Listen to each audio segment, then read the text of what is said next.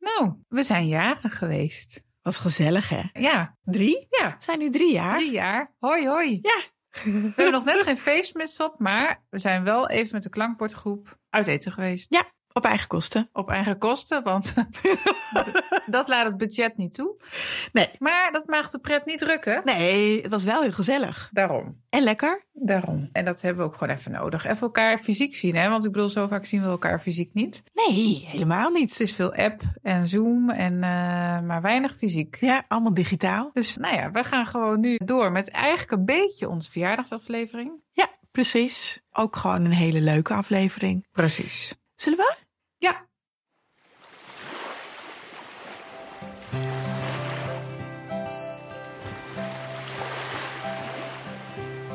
Welkom bij Vloskundig Baken, de podcast die een podium geeft aan innovatie en vernieuwing in de geboortezorg. Ik ben Mirna Knol.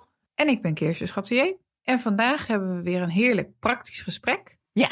En we gaan in gesprek met mijn naamgenoot, Ja. een naamgenoot, Kirsten. ja. En zij weet alles over baringshoudingen. Welke impact hebben baringshoudingen op de beleving van de bevalling? Mhm. Waarom motiveren we mensen om van houding te veranderen? Wat levert het op? Moet je altijd van houding veranderen? Of is het ook heel prima om tussen aanhalingstekentjes gewoon op je rug te bevallen? Ja, Nou, we praten hierover met Kirsten. Dus ik heb twee Ja. Kirstens vandaag. Dat is best Ja, is moeilijk ingewikkeld ook. voor jou. Kirsten Straathof. Ze heeft wel een andere naam. Ja. Maar we zaten nog even over Kirsten S en Kirsten S. Het is allebei Kirsten S. Dat kon dus ook niet. Mhm. Nou ja, goed, Kirsten Straathof is verloskundige en klinisch epidemioloog. En dat ben ik dan natuurlijk niet. En voor haar master eh, thesis heeft zij de scriptie geschreven over baringshoudingen. Dus zij weet daar heel veel van. Precies. Nou, daar gaan we eh, heel leuk over kletsen. Ja, Maar, zoals jullie van ons weten, voordat wij met haar aan de praat gaan, gaan we jullie natuurlijk gewoon eerst bedanken. mhm. Leuke berichtjes bij donaties als bedankt weer voor al die fijne nieuwe podcasts. Ik blijf er enorm van genieten, smiley. ja. en eh, bedankt voor de podcast. Ik zocht info als zwangere. Dat is ook leuk, hè? Ja, En nu overweeg ik zelfs om verloskundige te worden. ja. Nou. ik zeg go for it. Als we toch zo de beroepsgroep een beetje uit kunnen breiden. Ja, ja, ja. Maar soms krijgen we ook hele filosofische reacties. Die had jij gehad, hè? Ja, ja zoals deze. Eh, dit was namelijk iemand die had een filosofische vraag. Tenminste, filosofische vraag, ethische vraag. Zeg het maar, Ehm, wanneer continuïteit van zorgverlener zo de uitkomsten van zorg verbetert, is het dan nog een keuze om deze zorg in te voeren? Of maakt onze eet als verloskundige dat we deze zorg wel moeten invoeren, omdat het anders in strijd is met dieet als we dat niet doen? Nou, wij hebben er ook even over nagedacht, hè? Uh-huh. En ja, ik ben dan zo iemand die dus de eet erbij zoekt. Oké, even voor, de- voor het gemak. Hier komt ie. Ik zweer, beloof, dat ik de verloskunst zo goed als ik kan zal uitoefenen ten dienste van mijn medemens. Ik stel het belang van de cliënt voorop en eerbiedig haar opvattingen. Ik zal aan de cliënt geen schade doen. Ik luister en zal haar goed inlichten. Ik zal geheim houden wat mij is toevertrouwd. Ik zal de verloskundige kennis van mijzelf en anderen bevorderen. Ik erken de grenzen van mijn mogelijkheden. En ik zal mij open en toetsbaar opstellen. En ik ken mijn verantwoordelijkheid voor de samenleving. Ik zal de beschikbaarheid en toegankelijkheid van de gezondheidszorg bevorderen. Ik maak geen misbruik van mijn verloskundige kennis, ook niet onder druk. Ik zal zo het beroep van verloskundige in ere houden. Dat beloof ik, of zo waarlijk helpen mij God almachtig. Ja, Ja, wij hadden die natuurlijk ook even gelezen voordat we hem hier zouden doorgeven, ja eigenlijk. Ja, voorlezen. Mhm. Toen dachten we van ja, dat, er zit wel een stuk van waarheid in natuurlijk. Van, we willen alles doen om die cliënt voorop te stellen. Ja, maar ten koste van wat? Want kan Ja. je nog weer je zorg goed uitoefenen op het moment dat het misschien je overbelast of te veel van je vraagt? of- Precies. Die druk zit er aan de andere kant. Ja, Ja, en is het dan maar zo, nu nu hebben we het over continuïteit van zorg. Ja, het is een soort van slippery slope. Waar stopt het dan? ja, Hoeveel belasting kan je aan? Hoeveel uitstroom is er als verloskundige? ja. Maar aan de andere kant, als het zo erg de uitkomsten verbetert, ik weet het niet. Is het een maatschappelijk, want er staat ook hè, dat Mhm. Ik zal, stel me open en toets me op en ken mijn verantwoordelijkheid voor de samenleving. Ja. Ja, dat is dan natuurlijk gewoon als het de uitkomsten zo verbetert, Ja, dan is dat ook weer van invloed op de samenleving. eens. Eens. Dus ja, eh, nou ja, goed. Wij hebben hier natuurlijk geen antwoord op.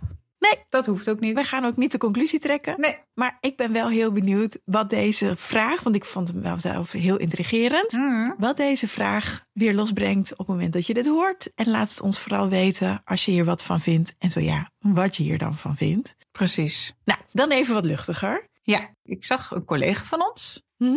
En die is ook een podcast begonnen. En dat is Doete. Doete Rijtsema. Zij is ook verloskundige. Mhm. En zij heeft samen met SCH-arts Helene Lameijer een podcast. En dat gaat over het zijn van ondernemer en moeder. Ja. Dus het heet Moederpraat. Mhm. En ze geven een openhartig kijkje in het leven van, eh, ja, of in hun leven eigenlijk. Mhm. bespreken levensvragen, ambities, en moederschap. En ja, eigenlijk hele eerlijke en openhartige gesprekken over een balans tussen de carrière en het moederschap, een gezinsleven. Nou ja, daar zitten we. Al die ballen die je hoog mag houden. Ja, persoonlijk zit ik daar ook wel eens in.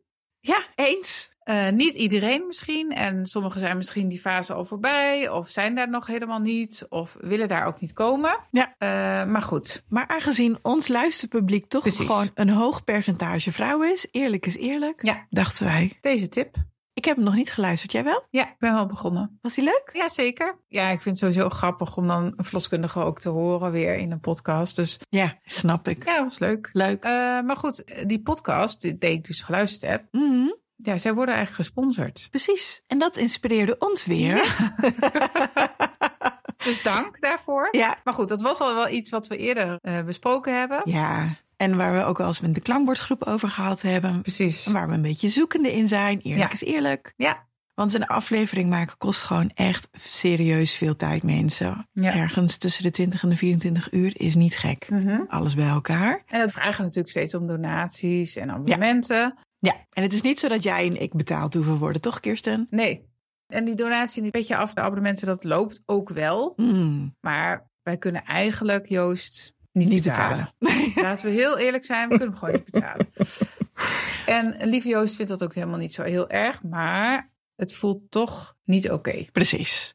Dus, mocht je onze aflevering willen sponsoren of onze podcast willen sponsoren, hoe dan ook, maakt niet uit. Het kan op de website, bij de aflevering show note tekst, kan weet ik veel, verzin het maar. Ja, als je zelf een leuk idee hebt. En je denkt, nou, als ik dit van jullie eh, krijg, dan eh, ben ik bereid om eh, dit bedrag aan jullie eh, te geven, zodat jullie Joost kunnen betalen. Nou, dan zeggen wij, daar staan wij zeker voor open. Ja, we hebben natuurlijk ook kosten rondom de website en Ja. andere praktische dingen. Dus eh, dat loopt ook door. Maar ook op die website kunnen we natuurlijk best wel sponsordingetjes maken. Ja, zeker weten. Als je zegt van nou, ik ben echt serieus geïnteresseerd in het sponsoren van jullie podcast, dan kunnen jullie ook rustig meenemen in de hoeveelheid luisteraars die we hebben, Ja. eh, de soorten luisteraars. Dus dat je Ja. dan ook echt wel weet van hé, hey, dat is het publiek. Ja, want we lopen wel echt goed. Ja, ja, ik wou niet opscheppen. Dat... Nou, sorry, maar ik vind dat je dat echt mag zeggen. Een symposium, daar bereik je veel minder mensen Ja. mee als met één aflevering bij onze podcast. Ja. En dus het zijn afleveringen die ruim over de 2000 downloads gaan. Ja. Het is zeker de moeite waard om eh, contact met ons op te nemen en eens te denken van hé, hey, daar wil ik in investeren. Ja. En daar staan wij dus ook open voor.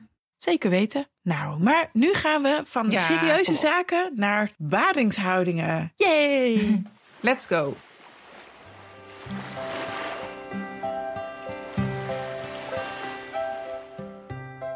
Laten we doorgaan naar het onderwerp van deze podcastaflevering. We gaan het hebben over badingshoudingen. Hoi Kirsten. Hallo. Nog een Kirsten. Ja, leuk, leuk. Het wordt een verwarrende opname voor mij, maar dat geeft helemaal niks. Superleuk. Wat fijn dat je er bent. En ehm, zou je je misschien zelf willen voorstellen? Ik ben Kirsten Straathof. Ik ben eerste lijns verloskundige in Gouda. En daarnaast heb ik kort geleden mijn eh, master eh, evidence-based practice afgerond. Dus ik ben ook klinisch epidemioloog. Maar ik ben lekker werkzaam eh, in de eerste lijn. En dat vind ik heerlijk om te doen. Oké. Mooi, knap hoor. hey, we hebben altijd voor onze gasten onze eerste vraag. Die heb je vast wel een keer langs horen komen, maar we willen hem ook graag aan jou stellen. Ik heb hem wel eens gehoord inderdaad. Hoe ben je voor het eerst met de geboortezorg in aanraking gekomen? Ja, nou daar heb ik ook even over nagedacht. En ik denk de eerste keer dat ik met de geboortezorg in aanmerking ben gekomen is op het moment dat mijn moeder beviel van mijn jongste zusje. Ik kom uit een gezin van eh, vier kinderen. En ik weet nog wel dat eh, mijn moeder ons 's ochtends eh, naar school bracht. En smiddags, eh, tussen de middag, werden we opgehaald door vrienden van mijn ouders. En eh, toen werden we gebeld van, nou, eh, je zusje is geboren. En ik weet nog heel goed dat ik dacht, oh, maar dat is ook snel gegaan. Was ik ook mijn vierde kind. Maar dat was een beetje de eerste nou, kennismaking met de geboortezorg. Wat leuk. Want je moeder had je nog naar school gebracht, zeg maar. Ja, ja, s ochtends. En eh, rond 12 uur was mijn zusje alweer geboren. Wauw. Ja, zo snel kan het gaan, hè? Ja, zo snel kan het gaan. Maar dat vind ik ook wel leuk, want ook in het vak is het ook wel eens dat je mensen probeert, nou, eh, probeer maar eventjes eh, lekker te ontspannen, breng je kinderen maar even weg. En Ja. dat, eh, nou, dat Mhm. werkt vaak goed. Zeker, zeker. Absoluut. Nou, en nou heb jij eh, je werk ervan gemaakt, Ja, dus dat is ja. wel heel erg leuk. En met dat ontspannen en eh, probeer maar even dit, probeer maar even Ja. dat, hebben we ook een heel mooi bruggetje. Lekker bruggetje. Ja, ja, ja, ja. Naar het hele fenomeen baringshoudingen. Want in welke houdingen kan je allemaal bevallen? Ja, er zijn natuurlijk heel veel verschillende soorten houdingen. Mhm. En de meest voorkomende houding is natuurlijk wel de rugligging. Maar eigenlijk als je kijkt eh, naar eh, vroeger, is dat eigenlijk helemaal niet zo'n logische houding. Veel vrouwen kunnen natuurlijk ook in andere houdingen bevallen. Denk aan een staande houding, dus staan of squatten bij een bevalling. Mhm. Denk aan zitten op de kruk. Of ehm, denk aan handen en knieën op all fours. Maar dat kan ook een soort semi-handen en knieën zijn, dat je ergens overheen hangt. Er zijn heel veel verschillende opties, maar ook in bad bevallen kan. Eh, of op de zij bevallen, dat kan ook. Dus er zijn heel veel verschillende variaties eigenlijk. Ja, we weten inmiddels dat, dat het merendeel van de Nederlandse vrouwen inmiddels toch op de rug bevalt. Eh, jij had daar ook cijfers over, hè? Eh, kun jij ons een beetje meenemen in van vroeger naar nu, laat maar zeggen? Is daar een bepaalde omslag geweest?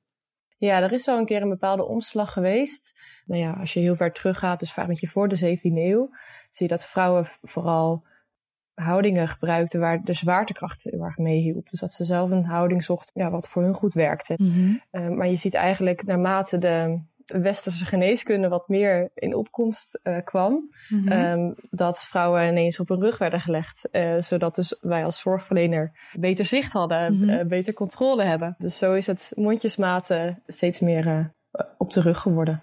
En kun je vertellen hoeveel vrouwen er nu ongeveer op hun rug bevallen?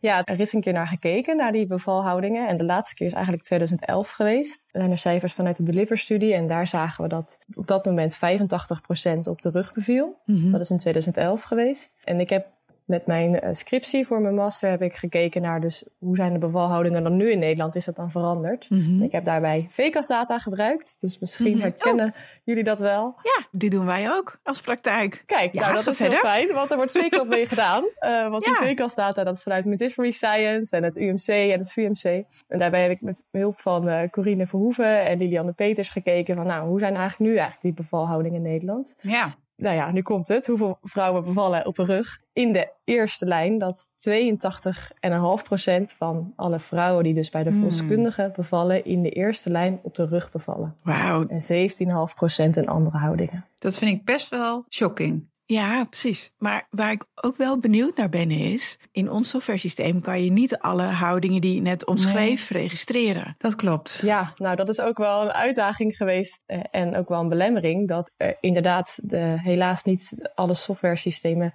dezelfde houdingen registreren. Zo is er. Dat is natuurlijk eigenlijk suf. Ja. Ja, ja dat vond ik, Ik ook bedoel- toen ik de data bekeek. Ik dacht, hé, wat gebeurt hier nou? Bijvoorbeeld handen en knieën staat niet overal in. Ja, En ook squatten staat niet overal in. Terwijl juist die houdingen heel interessant zijn. ja. Dus daarom, ja. Hmm. Oké, dus daar zit nog wel een verbeterpuntje. Nou, in de registratie, maar ook hè, dus 17% van de vrouwen bevalt maar in een andere houding. Of bevalt maar liefst in een andere houding. Het is natuurlijk net even waar je naar kijkt. Want is een andere houding dan rugligging beter? Want dat wordt dan wel een soort van natuurlijk geïmpliceerd, zeg maar. Maar is dat ook zo? Ja, Eh, leuke vraag. Ja, je hebt ook heel veel verschillende houdingen. En die houdingen hebben zeker invloed op de bevalling. Tijdens de bevalling, tijdens de uitdrijving. Mhm. En zeker als je kijkt naar een fysiologisch oogpunt, is dat heel veel voordelen komen mee met de zwaartekracht.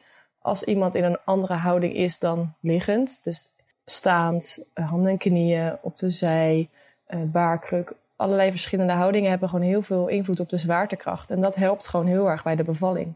En niet alleen de zwaartekracht, maar ook juist de verschillende houdingen aannemen.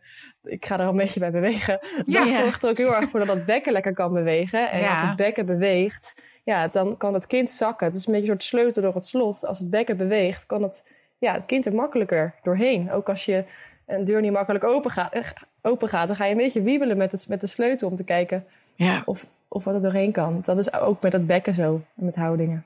en je hebt natuurlijk op social media ook dat eierdopje filmpje. Dat kennen jullie vast ook Ja. wel. Ja, Dus zo dwars. Hè, dat je zo'n eh, zo'n eitje zet je dwars op het eierdopje en dan ga Ja. je met het eierdopje het bekken wiebelen. En dan zakt het eitje eh, zeg maar de goede kant op. Dat is Ja. dan inderdaad dat fenomeen natuurlijk. Dus eigenlijk bewegen en zwaartekracht zijn een factor in die bevallingshoudingen. Ja, en wat ook zo is, is dat die verschillende houdingen, of in ieder geval houdingen die niet op de rug zijn, ervoor zorgen eh, dat de baarmoeder beter en efficiënter en sterker dus kan samentrekken. Mhm. En daarnaast wat ook zo is, dat de aorta vrij ligt. Dus dat risico dat er compressie is op die aorta is minder. Ja. Mhm. Dus daardoor kunnen die grote bloedvaten beter zuurstofrijk bloed aan de placenta geven. Waardoor het kind daardoor ook weer eh, beter, geoxide- ja, beter zuurstof k- kan Ja, krijgen. en een betere conditie blijft. Ja, en dat, dat zie je ook in onderzoek. Dat eh, kinderen betere harttonen hebben als de moeder niet op de rug ligt tijdens de bevalling. Ah, dat is echt wel mooi. Hè? Hey, en als je eens kijkt, kon je ook in jouw onderzoek zien van of vrouwen heel goed zelf in staat waren om hun houding te beslissen? Want wij staan daar natuurlijk als zorgverlener dan vaak naast. Of je hebt een, een, een suggestie of je goh. Maar sommigen die zeggen, oh nee, dat wil ik echt niet. Of nemen eigenlijk heel mooi zelf al hun baringshouding aan. Mhm. En dat verschilt dan denk ik per vrouw, of niet? Ja, het lastige is, ik heb onderzoek gedaan met VCAS-data. Dus dat is registratiedata. Dus eigenlijk Ja. heb ik alleen, nou, in welke houding bevalt iemand. Ja.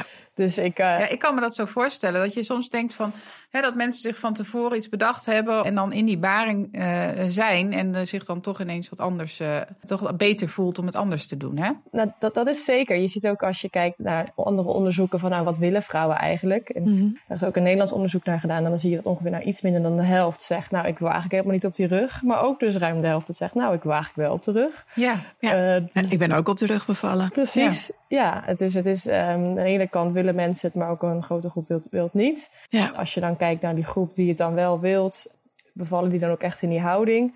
En wat een Deens onderzoek dan weer zegt, is ja, als die vrouwen die dus eerst hebben aangegeven, nou ik waag niet om mijn rug bevallen, een groot gedeelte bevalt alsnog op de rug. Dus dan is er de vraag, ja, hoe komt dat? Is dat omdat mensen dat toch zelf willen? Of is dat omdat wij dat als zorgverlener prettig vinden? Dus het, Ja. Of is dat cultureel bepaald? Ja. Er zitten heel veel dingen achter. En soms vind ik ook wel, zeker als mensen bijvoorbeeld naast het bed staan om een wee op te vangen. En hè, ze zijn dus eigenlijk staans Mhm. bezig. En ergens komt er een punt waarop ze tegen perstrang a- aangaan. Sommige vrouwen zijn dan ook wel verrast als ik zeg van joh, maar je, hè, wat, wat wil je graag? Eh, zeker als mensen dat niet van tevoren specifiek in zijn geweest. Hè, ik bedoel, je mag hier gewoon blijven staan. Dat is voor mij helemaal oké. Hè, dan beval je gewoon staand. Of eh, hè, bijvoorbeeld als iemand dan vraagt van, oh, moet ik al op bed gaan liggen? Ehm, ik vind het ook prima als je op bed gaat liggen. Het is wat jij daarin prettig vindt. En dan zijn mensen verrast dat ze ook staand kunnen of mogen bevallen. Eh, Weet je daar wat over? Of we genoeg voorlichting geven over de opties qua houdingen? Ja, ik denk dat daar echt wel wat winst in te- in te behalen is. Want we weten inderdaad als vrouwen dus zelf de houding kunnen kiezen, dat ze daar heel erg bekrachtigd door worden. En dat ze dan Ja. daardoor ook weer een positieve bevalervaring hebben. Dus als ze zelf ook kunnen meebeslissen in die houding. En dat ik denk dat we dat ook wel doen als verloskundige. Dat we daar echt wel, nou ja, wat jij zegt, eh, dat ook wel stimuleren. Maar het is ook goed om te weten van ja, als die vrouw dus zelf kiest. En als zij zegt, ik wil in die houding. Dat dat haar heel erg helpt. Mhm. Ja. Maar er is zeker ook nog wel winst te behalen, zodat een vrouw wel weet welke keuzes er eigenlijk allemaal zijn. ja. Misschien kennen jullie natuurlijk wel die eh, folders eh, vanuit de, ik denk dat die vanuit de KNV is met verschillende houdingen. Die vind ik heel mooi. Ja, Om die bij het bevalgesprekken te gebruiken van, nou kijk, eh, hier zie je allerlei houdingen. Het is eigenlijk allemaal goed. Alle houdingen zijn oké, ehm, dus weet dat die opties er zijn. Dat kan tijdens de bevalling, maar het kan ook tijdens de uitdrijving. ja. En het le- leuke is, er is ehm, ook een eh, website. Die is gemaakt vanuit het eh, Twinning-project. Dat heet wow.nl. En daar zie je ook eh, allerlei verschillende houdingen die eh, vrouwen kunnen, kunnen aannemen. En ook hoe ze dat kunnen doen als ze in het ziekenhuis zijn. Hmm. Die gaan we dus in de show notes zetten. Duidelijk. In de media, als we kijken naar een vrouw die gaat baren in een film, ik noem maar even wat, hè, dan is het toch vaak op de rug. Of als je ehm, een serie of wat, is het toch heel veel op de rug. Dus ik kan me ook voorstellen dat dat ja, als wij als zorgverleners niet aangeven van joh, het mag ook anders, dat het misschien door Ja, invloeden van buitenaf, dat het gewoon eigenlijk ja, de de normale gang van zaken is om op je rug te liggen. ja. Of kijk maar, je loopt een bevalkamer in. Wat staat er midden in de, in de kamer? Een bed. Een bed. Ja. En dat zie je bijvoorbeeld in andere landen. Hè. Bijvoorbeeld eh, in Denemarken heb je ook hele mooie bevalkamers. En dan ja, staat er in het midden misschien even een bad. Eh, aan de zijkant een bed, eh, maar ook eh, iets waar je aan kan hangen. En gewoon veel meer. eh, Diversiteit. ja, dus dat je Ja. ook veel meer gestimuleerd wordt. En dat is natuurlijk vaak thuis. Dan ben je, zijn mensen in hun eigen omgeving.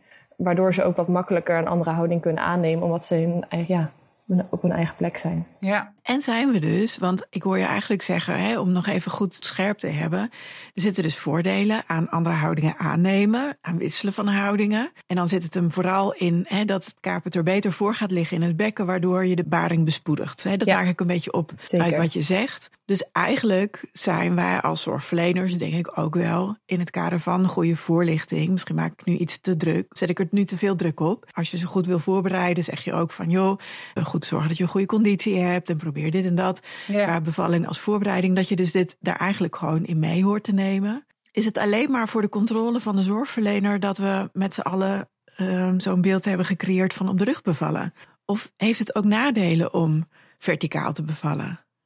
Er is natuurlijk best wel wat onderzoek gedaan en ge- er is er gekeken van, nou, wat doet nou een bepaalde houding, een bepaalde uitkomsten? En dan zie je eigenlijk wel dat het vooral heel veel voordelen zijn van verschillende houdingen aannemen. Mhm. Ja, als ze er niet zijn, dan hoeft het niet hoor. Maar Nee. Qua nadelen wordt er nog wel eens benoemd van, ja, is het dan wel goed op de kruk en voor het perineum? En Ja. is het dan wel goed, die verschillende houdingen? Staat er dan niet juist druk op, eh, op, op, op dat stuk? Ik denk dat het heel goed is om goed te beseffen dat onderzoek doen naar bevalhouding is best wel lastig. Want het kan zijn dat iemand de hele bevalling op de kruk zit en daarna op bed ligt. Ja. Nou, hoe bevalt iemand op bed? En andersom. En alle variaties daarvan. Dus het is best wel Ja. lastig om daar onderzoek naar te, naar te doen. Ja. Plus, wat nu ook steeds meer in opkomst is, is eigenlijk een sacrumvrije houding en een niet-sacrumvrije houding. En dan zie je wel heel erg dat als het sacrumvrij is, dus alle houding dat iemand niet op het, ja, sacrum op het licht. sacrum ligt, dat Of die zit. veel voordelen geven. Je ziet bijvoorbeeld ehm, dat als mensen ehm, op de rug bevallen, dat ze vaker een knip hebben. Maar als ze in andere houdingen bevallen, dat ze misschien iets vaker een tweede graad ruptuur hebben. Ja. Maar heb je niet op de rug vaker een knip omdat je gewoon geen knip. Sorry, ik zou geen knip op de kruk Nee. durven zetten. Ja, Nee, klopt. eh, dat Er i- wordt, ja. Ja, dus dat doen we in het onderzoek heel veel, heel veel confounding bij indication. Ja. Dus is iemand op, de- op het bed gekomen Ja. en heb je dan bepaalde uitkomsten door, door de rugligging? Of ja, het is- als je dan een keer als verloskundige knip wil zetten of moet, ze- moet zetten, ja. ja, dan dat iemand dan toch naar de rug Ja. gaat. ja, dat Ja. doe je Ja. in bad ook niet. Ik bedoel, Nee. dat gaat gewoon niet. Nee. nee Nou ja, op de precies. kruk weet ik eigenlijk niet of ik dat niet zou doen. Dat zei ik er net wel heel zo snel. Maar een bad inderdaad sowieso niet. Ja. Dat is denk ik namelijk ook wel. Hè, als je als zorgverlener een beetje opgevoed bent met in een stage of in jouw opleiding met het heel goed variëren van die houdingen. En jij zegt nu meer inderdaad een epi op de kruk. Maar ja, misschien als jij een verloskundige had gehad die dat prima deed. Nou, Ja, op de kruk vind ik niet zo ingewikkeld. Maar staand, dat je achter iemand staat. Hè, dus als iemand met de buik naar mij. dan Ja. kan ik me nog wel Nee, genoeg ja. inleven. zodat ik de goede houding kan pakken. Ik bedoel niet dat ik vaak een epi zet. Ik kan me eigenlijk de laatste niet zo goed herinneren. Dat is prima. Dus je moet ook een soort van ruimtelijk inzicht hebben. Om te bedenken, ja, Ja, om nee, te bedenken zeker. hoe eh, gaat deze baby er nu aankomen. Ja, ook als ze draaien of zo. Dan denk je toch altijd eerst even van, oh ja, even andere kant. Weet je, je moet toch even, ja. Ja, en dat is misschien sowieso wel interessant. Want ja, een kind draait even, toch even anders, ziet er even anders uit. En als je bijvoorbeeld als Ja. student in je stage nou 60 bevallingen hebt gezien op de rug. En vervolgens eh, ga je aan de slag en je hebt er misschien na een paar dan in een andere houding gezien. Ja, dat is toch een uitdaging om dan een bevalling te begeleiden in een andere houding. Ja, Aan de andere kant, heel eerlijk, ze rollen er allemaal toch wel uit. Ik Precies. bedoel, die ene keer dat je een schouderdis hebt, dan zet je iemand die staat, zet je op handen en knieën. Of ehm, laat je draaien naar de rug, afhankelijk van welke ingrepen je wil doen. Maar dat bed heb je over het algemeen toch wel in de buurt. En voor de rest, laat maar gewoon eruit rollen. Dan vang je vanzelf het kind, als je het maar vangt, eh, bij verticaal. Dan is het niet zo chic. nee. Ja, Maar, dat, ehm, dat, dat is wel inderdaad goed dat je dat zegt. Want het is helemaal niet zoveel anders. Het, ja, het kind komt gewoon. Ja, Terwijl je op de rug eh, hebt geleerd misschien om de achterste schouder eerst geboren te laten worden. Of ga je misschien toch eerst voor de voorste schouder. Ja, op de kruk of op de, in, een, in een andere houding. Dan, ja, het kind komt gewoon. En eh, eigenlijk, wat ik zelf altijd vind, is dat je juist het perineum echt heel fijn kan beschermen. Zeker op alvoors of op de zijligging. Heel fijn mooie warme doeken eroverheen over het hele gedeelte. hele stuk perineum Ja, en dan, dan komt het kind. Ja, nou, maak het uit welke schouder eerst komt. Het kind Ja. komt gewoon met de zwaartekracht. Of bijvoorbeeld een navelstrengomstrengeling. Misschien hebben jullie wel eens gehoord van de somersault. Ja. Op de rug moet je dat kind echt allemaal een beetje draaien naar, eh, naar Ja. de lies. En dan draai je dat kind zo eromheen.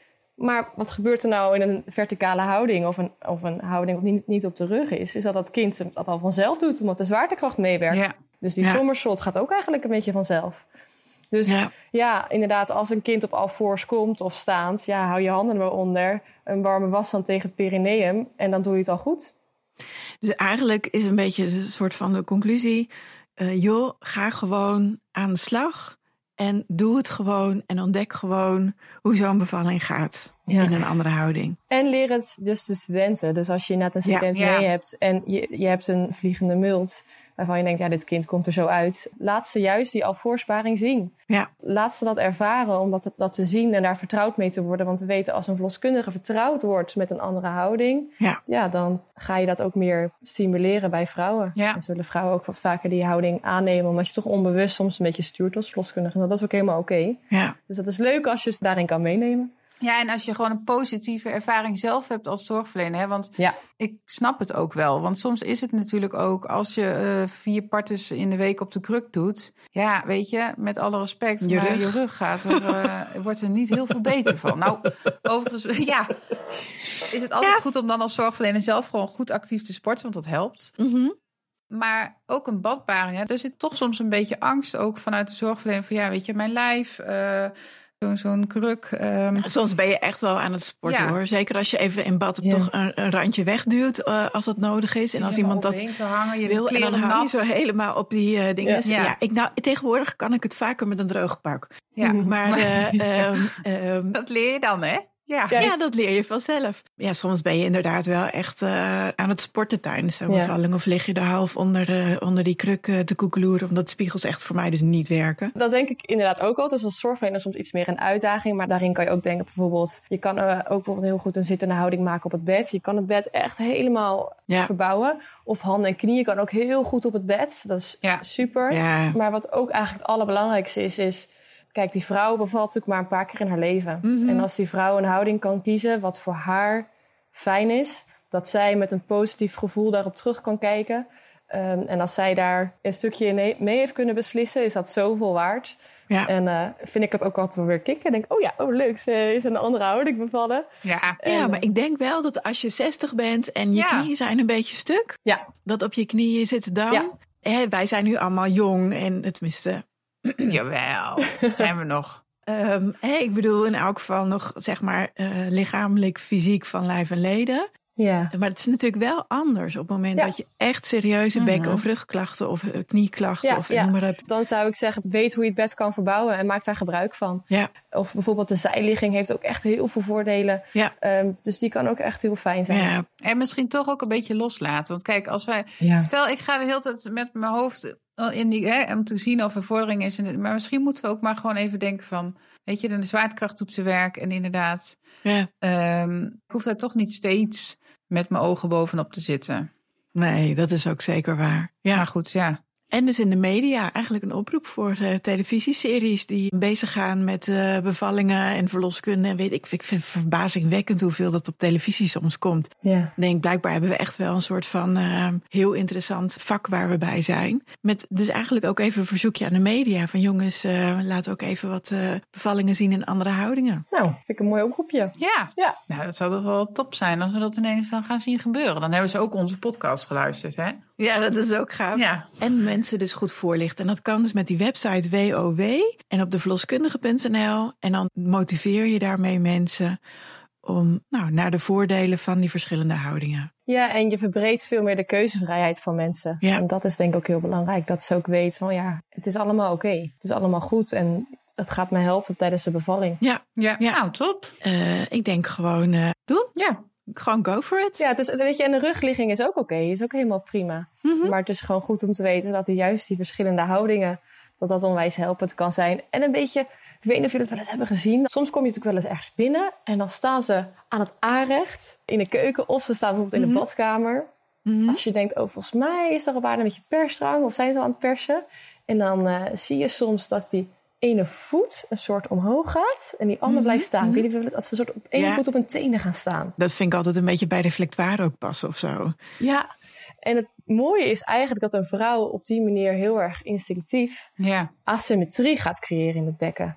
Want ze gaat dus haar ene heup een beetje optillen. Er komt dus heel veel beweging in het bekken. Mhm. Eh, en is er een beetje asymmetrie, waardoor het hoofd ook makkelijker kan zakken. Mhm. En dat is dus zo fijn in zo'n sacrumvrije positie, dat ze dat makkelijk dus kan doen. En dat ze heel erg meebeweegt om het kind te laten zakken. het zien van dit soort dingen is ook goed. Hè? Want er zijn inmiddels verschillende eh, social media kanalen. Ja. Waar ik zelf, serieus hoor, ook soms zo zit te kijken van... Oh, oh ja, gaat het goed, hè? Ja. Oh, gaat dit goed? Ja, Maar dan, ja, dat is echt. Ik zal hem je eens doorsturen. Maar als je dan ziet dat het goed gaat. Ik heb er echt serieus al dingen van geleerd. Dat ik dacht, oké, keer, weet je, dit, dit komt gewoon goed. Ja. Weet je, dit gaat laat het gewoon maar goed. gebeuren. Laat het en maar hou je gebeuren. handen eronder. ja, gewoon je handen en vangbal. Ja. Ja, en goed communiceren met die vrouw. ehm, Ja. Dat ze het ru- het hoofd ook rustig Altijd. geboren t- laat Precies. worden. Maar dat is op de rug en dat is in een andere houding Ja. ook precies hetzelfde. Tuurlijk, tuurlijk. We hebben het nu heel erg over die fysiologische bevalling. Ja. Ik zat nog na te denken hè, over dat cliëntenperspectief. Dan ga je dus richting ziekenhuis. Of een bevalling eh, vordert niet genoeg. Of iemand wordt ingeleid. En er komt een hartfilmpje bij kijken. Nou, meestal in mijn ervaring wordt zo'n hartfilmpje in rugligging aangesloten. En hebben mensen dan het gevoel dat ze daarna moeten blijven liggen. Dus dan zeg ik vaak van, joh, is dit ook de houding waarin je wil blijven? Of wil je hierna een andere houding? Hè, dus dan, dan etaleer ik zeg maar de keuze die er is. Eigenlijk nemen mensen dan al niet meer het initiatief ja, hoe zeg je dat? Om hun eigen houding aan te nemen. Nou, sommige vrouwen die zeggen dan, oh ja, toch naast bed staan of op zo'n bal naast bed of noem maar op. Maar is het nou echt anders? Ja, ik bedoel, bij een vacuüm snap ik dat je op je rug moet liggen. Ehm, maar hè, gewoon bij een gewone vaginale bevalling, is het daarin nou echt anders wat er dan mogelijk is in de tweede lijn? Of kunnen we daarover niet speculeren als drie eerste lijnsverloskundigen hier zo in deze podcast? Eh, dat klopt. We zijn natuurlijk allemaal inderdaad eerstelijnsverloskundigen. Dus dat denk ik goed om daar voorzichtig mee te zijn. Maar ik denk wel dat, dat iedereen, of je nou eerste lijn of tweede lijner bent, een vrouw kan helpen om die verschillende houdingen aan te nemen. Dus of je nou in eerste lijn of tweede lijn werkt, breng maar gewoon die bal in die verloskamer. Ja. Dat een vrouw die ziet staan. Of ehm, Nou. ja, misschien moet de kruk wel standaard in die kamer. We hebben een soort in Gouda een soort ehm, een hele mooie stoel waar je overheen kan hangen. Mhm. En dan kunnen vrouwen heel fijn in een alvoorshouding baren. En dat vinden ze Op de verloskamers. op de verloskamer, ja. Oké. Ik schrok ook best een beetje hoor van jouw cijfers, die 82%. Omdat in mijn perspectief dat echt wel geprobeerd wordt, ook in ziekenhuizen hoor. Echt Ja. om die houdingen steeds meer rugligging los te laten. Hè. Ja. Dus inderdaad, doe maar wat je fijn vindt. Ze hebben vaak heel vaak tegenwoordig ehm snoerloze CTG's. Ja. CTG's die onder de douche kunnen, die in bad kunnen. Dat is super fijn. Dus voor Ja. mijn gevoel is er al wel echt een beetje weer een omslag gaande. Dus ik, toen jij die cijfers zei, toen dacht ik ook echt, oh. Maar Is dat de eerste lijn? Ja, dat is alleen de eerste lijn. Ja, ja, dus kun je nagaan, hè? Maar daarin denk ik ook wel dus dat er een soort van perceptie is van mensen dat hè, dus de, de barende en haar partner het perspectief hebben of de beleving hebben, een vooroordeel klinkt weer zo negatief, dat opeens op het moment dat je in het ziekenhuis belandt, dat je dan dus niet meer Ja. andere houdingen aan kunt nemen. En dat is dus eigenlijk niet kloppende, althans niet Nee. kloppende met mijn ervaring Nee. of mijn beeld bij je tweede lijn. Ook niet bij jou, Kirsten. Nee. En bij jou, andere Kirsten ook niet. Sorry, ik kon het niet laten om het grapje te maken. Maar dan denk ik, daar hebben we dan als eerste lijners ook een rol in misschien. Ja. Om dus te benoemen dat er natuurlijk omstandigheden kunnen zijn... waarin je niet heel erg verschillende houdingen zou eh, moeten willen aannemen... of er oké is om daar wel mee te gaan. Maar op het moment dat je daar wel behoefte aan hebt... dat het gewoon goed is om dat bespreekbaar te maken. Ja. En daar mogelijkheden in te zoeken, toch? Zeker. Nou, Oké, ik denk dat we dat eh, dan moeten we dan maar gaan doen. ja, voorlichting. Die cijfers moeten gewoon naar beneden. Dus Hoppakee. Precies, voorlichting, media, mensen in hun kracht zetten. Ervaring, positieve ervaring, delen. En wat vond ik ook nog wel leuk is om mensen voor de bevalling een soort te laten ervaren hoe dat bekken zo beweegt. Ik weet niet of je dat wel eens zou hebben gehoord. Als je zelf je handen onder je billen zou leggen Ja, en je Ja, gaat op je handen zitten. ja. ja. Nou, Dat ga ik nu even doen, ja. even proberen. hè? Doe het allemaal, luisteraars. Ja, in de Hm? Ja, auto zou ik even het op even jou. niet doen, maar Hm. ja, voorzichtig. Je hebt gewoon je benen recht voor je. Je zit op Ja. je zitbordjes. Ja. Nou, Ja. laat nu maar eens je knieën naar buiten gaan. ja, Ja, Ja. En dan voel je dat die zitbordjes naar draaien. binnen gaan. Hè? Dat we eigenlijk dus die zitbotjes gaan een beetje naar elkaar toe. Ja, Laat Ja. nu maar eens je knieën helemaal weer terugvallen. Ja. En laat je onderbenen een beetje naar buiten gaan. En dan voel je dat die zitbotjes ruimte gaan maken. Dat er dus meer ruimte komt tussen je zitbotjes. Oké, het is echt heel erg, maar ik voel het verschil dus echt helemaal niet. Oké, dus laat, je laat eerst je knieën Oh naar buiten ja, gaan. wacht even, wacht even. Ja, ik moest iets verder naar achter met mijn handen.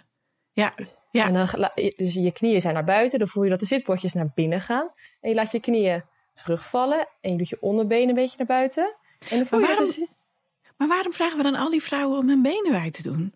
Precies. Ik vind het leuk dat je dat zegt. Dat klopt. Waarom vragen we dat? Terwijl er meer ruimte in de bekkenuitgang komt als je onderbenen, als die uit elkaar zijn. Dus die knieën hoeven niet per se naar buiten. Nee, maar die nee. onderbenen, die moeten juist een beetje naar, naar buiten. En die doen veel mensen naar binnen Ja, Ja, als ze hun knieën naar buiten doen. ja. Dus als Ah. mensen, als je denkt, nou, het kind mag er eigenlijk wel even uit. eh, ik ga misschien toch even die traditionele op de rug, pak maar je knieën. Ja. Laat mensen zelf hun knieën pakken. Of hun enkels. Of, ja, knieën of enkels of, als, of soms Als je nou buitenlangs je enkels pakt. ja, of buitenlangs de knieën. Als je dan je knieën pakt, gaan de, benen, de onderbenen vaak ook een beetje naar buiten. Ah. In ieder geval, als wij, ze- als wij soms die knieën dan weer naar buiten duwen, ja. wat Ja. je soms ziet gebeuren, Dat, Ja. dat- dan krijg je eigenlijk een averechts effect. Ja. Dus ik denk altijd, ik laat mensen zelf die knieën dan pakken. Ja, Want dan voelen ze ook zelf van, oh ja, wat werkt voor mij? ja. Dan zal je ze niet vaak zien dat de knie helemaal naar buiten gaat. Als het bovenbeen maar wat meer naar binnen staat en het onderbeen iets meer naar buiten, dan heb je het effect al. Ja, ja, ja.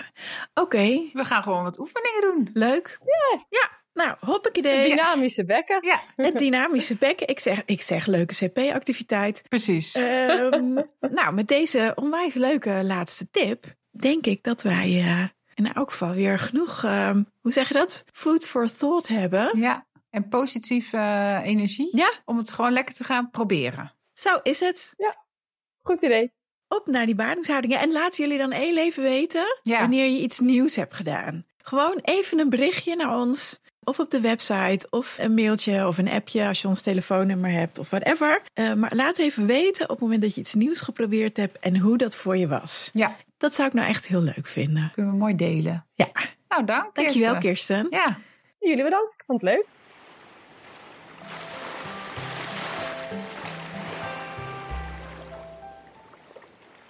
Nou, dat gaan we toch gewoon weer doen. Leuk. Vind je niet? Ja, Meer weer van dat bed af. Gewoon Ja. lekker die vrouw laten beslissen hoe ze wil bevallen. nou en ik ga ook even afgelopen twee jaar de bevallingen die ik gedaan heb. Ja. Eens even kijken op wat voor percentage andere houdingen ik eh, uitkom. En ook wat we niet kunnen registreren. Ja, dat is misschien ook nog wel leuk voor Peter. Dan moeten we misschien... eh, Ja, Ja, nou goed. Allemaal weer leuke ideeën in ieder geval. ja, heel leuk. Absoluut. Nou, en zo komt er alweer een einde aan onze 63ste aflevering. Ja, zeker. Onze verjaardagsaflevering was het, hè? Ja. was wel echt een positieve. Ja, daar zijn wij van. Ja, precies. maar eh, we willen Kirsten Straathof natuurlijk heel erg bedanken dat zij eh, onze gast wilde zijn in deze podcast. Ja, en eh dankjewel aan Joost Dekkerhupkes voor zijn technische ondersteuning. En natuurlijk het team van Vloskundig Baken. Karika van Hemers, Jolanda Liebrechts, Rachel Rijntjes, Esther Faaije de Jong, Marlu Dankers, Manon Vriezen, Suzanne Uiterwaal en Kelly de Jong. Ja, nou, op naar nummer 64 zou ik zeggen. Ja. En eh, ja, als je nou echt een leuk idee hebt, of je hebt na onze podcast gedacht van nou, ik ga het gewoon proberen en het is positief uitgepakt en je wil er iets over delen, weet ons te vinden op de socials. We kunnen je verhaal ook delen. Dat is eh, Instagram en Facebook, maar ook op Twitter. En eh, anders mag je ons ook altijd mailen of een reactie achterlaten bij de website. Ja, vinden we alleen maar heel leuk. Ja. En als je denkt, nou die meiden van Baken die moeten nog heel vaak heel veel podcastafleveringen maken, dan vinden wij het heel fijn als je ons daarbij helpt door ons financieel te sponsoren via petjeaf.com of via de donatieknop op onze site. Ja. Dankjewel voor het luisteren. En tot over twee weken. Tot over twee weken.